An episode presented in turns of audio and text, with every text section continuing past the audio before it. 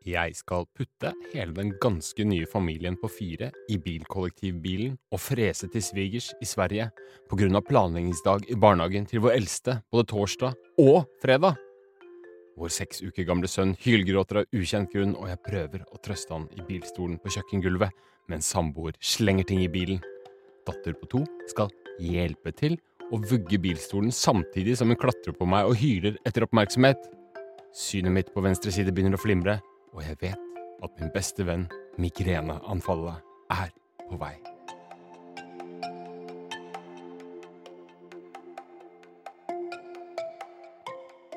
Velkommen til en ny episode av Foreldrekoden. Jeg siterte nettopp en levende beskrivelse fra en lytter om når fortvilelse og stress skviser en nesten helt ut av sitt gode skinn. Når du er helt på randen, og når ingenting synes å funke. Det er fæle greier, Hedvig Montgomery, er det ikke det? Jo, det er helt forferdelig. Og så er det jo også slik at som menneske har vi våre grenser. Og vi tenker ikke så mye på dem når vi ikke er i nærheten av dem. Men når et eller annet, og i dette tilfellet veldig mye, dytter deg ut mot de grensene, så er det helt umulig å ignorere det. Det er rett og slett fælt. Og tilfeldigvis er det ganske ofte barn, da. Og vi har derfor døpt denne episoden for De desperate øyeblikkene. Og vi har invitert dere lyttere til å komme med noen situasjoner som virkelig setter alt dere er og har, på prøve. Og vi har fått inn en del, og vi skal gå gjennom noen spørsmål og eksempler fra lyttere. Og vi begynner jo med moren her, da, som sendte denne mailen, og hun skal få lov til å komme med noen ganske, ja, litt generelle spørsmål, men fine. Og hun spør hva sier man til barn når man holder på å klikke, og det liksom ikke er mulig å ta ti sekunder på gangen? Sannsynligvis litt som i dette eksempelet, da. Altså, jeg holdt nesten på å si mitt beste tips i disse tilfellene er iskrem. Ja. Ja. Um, av og til så må man rett og slett bare kjøpe seg de tre minuttene som gjør at du får roet ned situasjonen. Tenk deg om en gang til, hvordan skal jeg egentlig løse dette her? Fordi hun står med en helt løsbar situasjon, faktisk, tro det eller ei, ja. eh, men ting har kjørt seg sammen. Og når har det kjørt seg sammen, hva er det som gjør at jeg er så sikker på det? Jo, akkurat dette er toåringen som insisterer på å vugge babyen som sitter i en altfor utsatt uh, stol og ikke kan forsvare seg selv, samtidig som du prøver å få til noe annet. Dette går ikke bra. Så på et eller annet vis må, vi, må denne situasjonen brytes opp. Og hva det er for noen ting, om det er å bytte plass med mannen som legger ting i bilen, eller om det er å si vet du hva, nå tar vi eh, tre minutter ekstra her og går og ser på om vi har fått med oss et eller annet, eller om det er da å gå til den billigste løsningen i boka, nemlig iskrempinnen i frysen. Det var litt deilig å høre deg si det. Men eh, jeg tenkte på det som eh, man kanskje ikke tenker så mye på. Eh, og jeg tenkte på det nå, fordi du sa det. Eh, det med å bytte rolle, det er, kanskje ganske, det er kanskje lurt? At man liksom rett og slett kommer en ny person inn? Altså, det er ofte er det det absolutt mest effektive. Eh, Det er bare det at for det første så går jo roller seg ganske fort til i en familie. Hvem som gjør hva, blir litt Ja. sånn Hvem er jeg? Uh, og hjemme hos oss er jo dette helt sånn styrt ut fra at mannen min har førerkort og jeg ikke. Jeg opplever hele bilen som hans felt, hvis du skjønner. Eh, hvis jeg hadde sagt til ham at nå tar jeg og legger skiene på taket, så hadde han blitt ganske overrasket over, uh, over dette brå skiftet. Jeg er faktisk av og til litt usikker på hvordan man åpner bagasjeluken, ville han ha påpekt. Så jeg, jeg vet ikke om jeg fort nok hadde fått ham med meg på det byttet i denne situasjonen. Og det andre det er at den andre holder jo på med sitt og er inne i sitt og er egentlig ganske fornøyd med seg selv, for han har jo arbeidsro i denne situasjonen. Han går jo og fikser greier. Så det er ikke engang sikkert han skjønner hvordan det, det brenner. Så jeg tror skal du få til det byttet, så det må si det Nå er jeg gått tom for verktøy her. Eh, kan ikke du bare steppe inn lite grann mens jeg går på do? Mens jeg tar og finner noen ting som jeg vet at vi trenger å legge i bilen. Altså, du må finne en forklaring som den andre kan kjøpe. Mm. Eh, for hvis ikke, så, så får, ender du opp i en krangel med kjæresten din. På toppen jeg, av dette. ja, og ellers kan jeg anbefale å stikke huet i en bøtte, som jeg gjorde en gang. Det virka ganske ok. Det er en løsning, ja. Og det var altså vann i den bøtta. Og så har hun et spørsmål to, denne moren, uh, og jeg tror kanskje at det har skjedd noe mellom disse to spørsmålene på et vis. At hun kanskje har klikka, eller kjefta litt i mellomtiden. Uh, for hun skriver da hvis man kjefter på dem, altså barna, når det er sånn kaos som det der, må man si unnskyld etterpå. Eller tåler de å få en litt sånn kvass eh, beskjed og litt bjeffete tone? Altså, må jeg bare si at barn kjenner jo foreldrene sine etter hvert. Eh, så, så de skjønner jo når det renner over for mamma og pappa. Men det er ikke noe god ting å bli vant til at det skjer med ujevne mellomrom, og at det liksom ikke betyr noen ting. Så etter den der kjeftingen så går det an å si åh, det var litt av en avfart, og mye som skjedde på en gang. Beklager at jeg ble så sint. Det er jeg ordentlig lei meg for. Altså, det går det faktisk an å si. Mm. Jeg tenkte litt på det, for det går jo det skjær i den fella ofte, egentlig. At det liksom blir litt for mye, og så bruker man litt kvassere tone og høyere stemme enn man hadde tenkt. Og så løper man til stedet etterpå og sier 'unnskyld, unnskyld, det skulle ikke skje, jeg lover å ikke gjøre det igjen'. Og så går det kanskje to uker, da, eller to timer, og så skjer det igjen. Og det er kanskje ikke så bra, eller? Ja, jeg vet ikke, men da er det nok noen ting eh, i, eh, i denne dagen her som skulle ha sett litt annerledes ut også. Um, jeg tror nok helt hver situasjon er jo sin egen. Ja. Men helt generelt så er det å si unnskyld når du har brukt mer kraft enn du trenger, er en god idé. Og det er to grunner til det. Det ene det er at det viser til barna at du, jeg skjønner at det der ikke ble greit for deg. Jeg skjønner at det ikke var så lett å være deg der heller. Kan du også si. Det er også en måte å si unnskyld på. Mm. Men det andre det er at det sier også til deg selv dette er ikke måten å, å organisere familielivet på. Det er ikke helt sånn jeg har lyst til å være pappa eller mamma. Du gir også en beskjed til deg selv som er ganske nyttig. For hvis du blir for fartsblind på det der stresset som vrir seg opp, som gjør at stemmen vris opp, som gjør at ordbruken vris opp, som gjør at du holder litt hardere og kjører litt hardere, så kan du til slutt ende på et sted som forelder hvor du absolutt ikke vil være. Så det er rett og slett for å dempe den der vridningen, så er den lille ah, unnskyld, var ikke meningen, eller der ble det for mye på en gang, og jeg skjønner at det ikke var så lett å gjøre riktig for deg heller. Lei meg for det.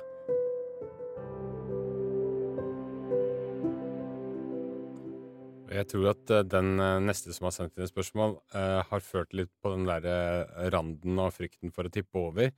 Eh, fordi det er en situasjon her med en gutt på tre år som hun sier kjører voldsbølgen mot mor ved legging. Roping, klyping og slåssing. Og når faren skal legge, da, går det ganske greit. Og så mistenker hun at denne gutten har funnet ut dette her at det er lettere å knekke mor enn en, en far. Det gjør at hun får eh, kjørt seg hver eneste gang hun skal legge. Og så skriver hun at hun er redd tålmodigheten skal ta slutt en dag, og eventuelt at hun skal re respondere med vold, som er den største frykten, som hun skriver. Hva er det som kan være på ferde her når sånne leggesituasjoner går i sånn låsete spor? Må jeg bare få si først, for en fin mamma. Ja, ja. Fordi det å ligge så i forkant sier noe veldig, veldig fint om henne. Hva som skjer? Her er det mye som skjer på én gang. Eh, barn har ofte én favorittforelder i treårsalderen. Mm. En de syns det er lettere å ta beskjeder fra, en de syns det er lettere å samarbeide med, og de har ofte en de syns de prøver kreftene sine mer mot. Så at du har denne ulikheten mellom mamma og pappa, det skjer i mange hjem.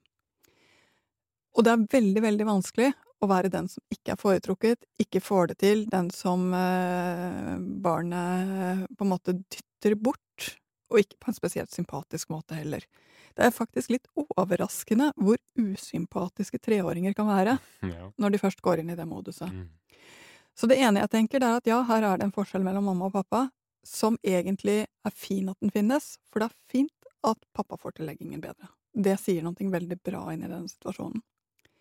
Det andre det er at det gjør også at pappa sitter med litt av nøklene til hvordan dette skal løses. Så det ene det er at øh, jeg tror at, øh, at hun kan si til pappa nå trenger jeg litt din hjelp. Kan jeg være med litt og se når du legger, hva det er for noe du gjør? Og også at, øh, at du forklarer litt, sånn at det blir lettere for meg å gjøre noe som funker for gutten vår. Oh, ja. Mm. Eh, kanskje også da at pappa legger et par kvelder på straken, sånn at mamma også får litt grann fri her til å trekke pusten og ikke føle seg så dårlig, for det er jo nesten det verste med å føle seg så dytta bort, du føler deg jo dårlig også. Eh, og så er det noe med at leggesituasjoner er noe av det mest kompliserte vi har. Fordi de krever en forståelse for at det ikke er så lett å sovne alltid. Rett og slett en forståelse for barnet. Men de krever også en veldig forståelse for at det trengs rammer og tydelighet. Og de to samtidig er det veldig, veldig lett å bli forvirret av, og kanskje spesielt hvis man er, har eh, et varmt hjerte. Det er lett å bli for snill, lett å bli sittende for nært, lett å bli sittende for lenge. Der hvor det egentlig kreves mer tydelighet på at nå sitter jeg her litt, så går jeg og gjør noe annet. Jeg kommer inn igjen, og så gå inn igjen hvis det trengs, men ikke gjøre den der til en sånn utdragen du sitter til du er helt utslitt situasjon. Så der må jeg også si, jeg, jeg hadde sett litt hva er det pappa gjør som funker bedre. Jeg ville tro at det er noe i tempo, i rytme, som passer sønnen bedre, og det er det jeg ser etter. Så tandemlegging kan være noe å teste, kanskje? Neste korsvei. Tar et eksempel til, og det er eh, Jeg er fortsatt litt i småbarn her. Eh, det er en datter på fem år da, som får eh, foreldrene til å skamsvette, tror jeg, fordi at hun pleier å klikke i bilen. Hun er så viljesterk og går helt totalt i vranglås når de skal et sted. Om det er bestemor, selskap på stranda, som hun egentlig elsker, eller til og med tydeligvis det her, da, lillesøsters dåpsselskap, så har hun tilta totalt. Og de har prøvd ulike metoder. La henne vente i bilen for å så lokke henne ut. Funker ikke. Av og til liksom bare Nei, nå må du komme. Drar henne ut, som gjør vondt verre, da. For da klamrer hun seg til bilen og hamrer på ruta. Og det har ført til at denne familien nesten ikke tør å dra noe sted. Fordi at de bare regner med at dette kommer, da. Hva er det som skjer her? Nei, dette er jo også en situasjon som eh, jeg trekker pusten av og føler med dem for. Det er klart at noen må være foreldre til eh, neste statsminister også. Mm. Eh, men det er jo ikke alltid så behagelig å være foreldre til den som eh, vil så sterkt, og viser det så sterkt. Så de har jo fått en håndfull, men de har fått en håndfull fin vilje som på et eller annet tidspunkt kommer til å falle i hakk og bli til et barn som har retning og virketrang, som er fint. Frem til da så er det noen ting som gjelder. Det er at det er en jente som helt klart trenger å få sette sitt preg på situasjonen. Det er på mange måter det hun sier noen ting om. Så å ha henne med på planlegging med små, enkle valg er i hvert fall en måte å få henne til å ha gjort noen ting med situasjonen i forkant. Vil du ha på deg de blå skoene eller de gule skoene? Vil du mm. eh, Vil du sitte på høyre eller venstre side? Altså ha noen sånne som gjør at du får henne litt med i å bestemme noen ting. Og også stille henne spørsmål som du vet at hun nødvendigvis vil svare ja på. Uh, vil du ha med deg kosepus i dag også? Ja. Ja-modus er veldig, veldig fint, fordi da kommer du liksom inn i ja og inn i nikket. Så de, de små tingene som kan føre med seg ja, er altså en fin mm. måte å ta henne litt med seg på. Um, så jeg hadde sett etter sånne småting som gjorde at hun både kommer i et ja-modus, og at hun eh, får lov til å kjenne at ikke allting blir gjort mot henne. For noen ting får meg til å tenke her at hun føler at hun bare må tilpasse seg, og det hater hun. Mm. Eh, men det betyr jo ikke at hun skal bestemme over situasjonen, eller at det er hun som eier situasjonen. Det betyr bare at hun liker ikke å bli overrumplet, og hun liker ikke å føle at det ikke er noen ting av det som er hennes. Mm. Så jeg hadde sett etter noen sånne småting. Um, den gode nyheten som også er viktig å være klar over, det er at dette går over, det også. Det bare er så rart, for når man tenker at nå tåler jeg bare ikke at hun fortsetter den måten, på den måten der, det er så forferdelig krise å stå og parkere bilen utenfor barnehagen, og dette skjer igjen og igjen. Det er jo flaut, ikke sant? Um, men når du kjenner at nå, nå er begeret helt fullt, så så har hun rett og slett funnet seg til ro med det og funnet sin måte å gjøre det på. Så det kommer til å gå over, men inntil da, finn måter å lure og lirke rundt den følelsen hun sannsynligvis har av å være fastlåst. Men det du sa i starten her, det at man i femårsalderen viser sånne tegn, det kan være et tegn på en sånn en personlighet i emning som kanskje tilsier at denne illsinte jenta blir en respektert leder med en tydelig stemme en eller annen gang i tiden? Det kan godt være. Det kan godt være at allerede elevrådet på mellomtrinnet har, har, en god kandidat her. Så, så vi får bare følge med og se, for det er, det er noe fint i dette også. Men noe av det som hun også tar opp, og som er så sant, det er at det å være den forelderen som føler at du ikke får til, det å stå der og kjenne at det nesten brenner av skam i kinnene Ja, ja. Fordi en femåring, det er altfor stort. Hun vært, hadde hun vært tre, så hadde det på en måte vært til å nikke til. Mm. Um, og den foreldreskammen er ganske kraftig, og gjør jo at du bare får lyst til å bli borte, nesten. Um, I hvert fall få situasjonen avblåst så fort som mulig, og det kan også gjøre deg ganske brå og uforutsigbar, og til og med litt skummel for barnet. Så også i en sånn eh, situasjon som dette, så handler det litt om å ikke la seg rive med av andres blikk. Ok, de hadde sikkert ikke løst det så mye bedre, de heller. Det er faktisk en trøstetanke som er helt sann. De hadde ikke fått det til, de heller. Så det spiller ingen rolle hva de tenker. Da tar vi et eksempel til, vi, og vi skal ut av bilen og inn på fotballbanen, og der er det en tiåring som lett tar til tårene og blir frustrert og sinna. Og det skaper en del vanskelige situasjoner, sier moren, som ofte er med på trening og kan se hvor, eh, i hvilke situasjoner at eh, nå er det noen oppseiling her. Og da kan det hende at han tråkker ekstra til i taklingen, for han blir så eh, ja, engasjert kanskje, da, men også da frustrert når ikke det går sånn som han vil. Hvordan er det best å håndtere denne tiåringen? Altså For det første må jeg bare si at frustrasjon er en følelse som er sammensatt av to ting samtidig. Ønsket om å lykkes. Det er virkelig et barn som vil noe her, Mhm. som er utrolig fint. Og så er det sorgen over å ikke være der enda. Som lager en skikkelig, skikkelig, skikkelig hard kraft. Og kombinasjonen av de to, som altså blir frustrasjon, kan kjennes helt overveldende ut, både for barnet og for dem rundt. Men disse følelsene må nesten deles i to for å kunne håndteres. Og så er det én ting til som er interessant med det. Det er at frustrasjonsterskelen kommer bare lavere og lavere og lavere ned jo sultnere og trøttere barnet er. Mm. Så for det første så hadde jeg sett på hvordan ser det ut. Har det barnet nok, eh, rett og slett, hvile, søvn, mat nok før treningen? Er det tid nok mellom skole og trening? Bruker vi den tiden riktig? Eh, gjør vi det som gjør at han er i stand til å gå på den treningen og ha glede av det? Eller blir han sendt ut på den banen med en frustrasjonsterskel som ligger så lavt at det blir vanskelig både for ham og for alle andre? Mm. Mm.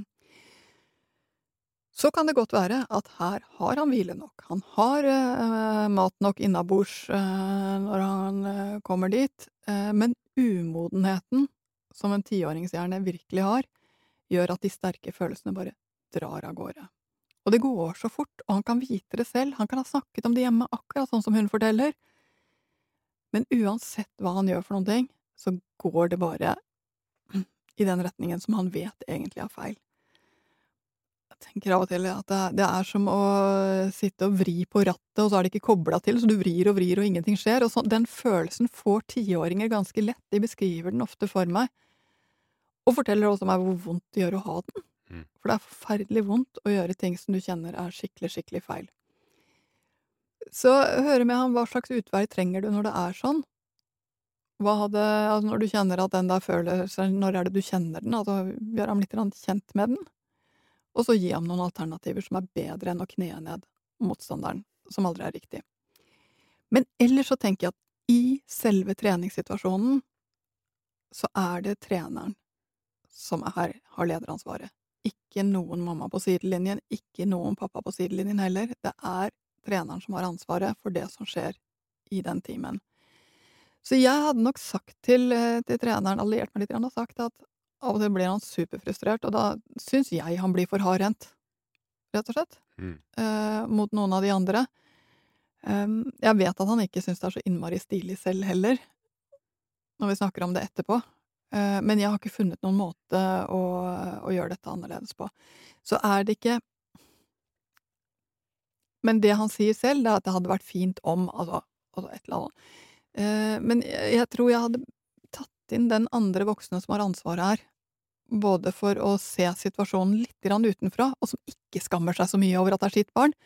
For det er klart, du ser mye, mye mer på ditt eget barn enn det du ser på alle andre barn på fotballbanen. Jeg lover. Andre kan se en kamp pågår hvis de ikke har et eget barn på banen. Du ser jo bare ditt eget barn som spiller fotball. Mm. Det er jo noe helt annet. Og det gjør også at du av og til faktisk oppfatter ting litt grann feil, for kanskje det er ikke akkurat sånn som du tenker. Så jeg hadde også tatt litt høyde for det. Den frustrerte uh, greia som man tar ut på banen, det er vel en sånn type følelse som man etter hvert lærer seg å kvele, fordi at man kanskje får tilstrekkelig negativ uh, reaksjon på når man tar ut frustrasjonen sin? Altså, jeg tror som voksne har vi for det første mye, mye, mye mer kontroll over egne liv. Ja. Sånn at vi lærer oss å ta vare på kroppen vår, sånn at vi ikke havner så fort i frustrasjon. Og det andre det er at noe av det som er så typisk for denne aldersgruppen her, det er at nå skal de lære seg å gå stien fra der de er, til det de drømmer om. De skal lære seg å gå stien fra det jeg kan nå, til det jeg har lyst til å mestre. Og det er skrittvis. Etter hvert så vet du hva du kan, og du syns til og med at du kan nok. Og dermed så blir ikke frustrasjonen like ofte trigget. Men en tiåring for denne her trigget hele tiden. I skolesituasjonen, i fritidssituasjonen, i lek, i uh, gangetabellarbeid, i leksearbeid. Altså, barn i denne alderen her skal så mye lenger frem enn der de er akkurat nå, vet det selv og drømmer om det, så for dem er frustrasjon en mye sterkere og tydeligere følelse som kommer mye oftere enn det det gjør hos oss voksne. Wow. Dette var lærerikt. Eh, jeg tror vi nøyer oss med de eksemplene i dag. Jeg beklager hvis ikke alle som ble sendt inn, kom med. Men eh, kanskje vi kan lage en oppfølger. Og har du en desperat øyeblikk du vil dele, så kan du gjerne sende det til foreldrekoden at aftenposten.no. Du kan også eh, følge oss på Instagram og gi noen tilbakemeldinger og innspill der, eller på Facebook-gruppa Foreldrekoden. Eh, husk også på at tidligere episoder, og vi har hatt flere som har toucha innom det samme temaet, er tilgjengelig i Aftenpostens app eller via Podme. Ha en riktig, riktig fin foreldrekveld, alle sammen. Ja! Ha det bra.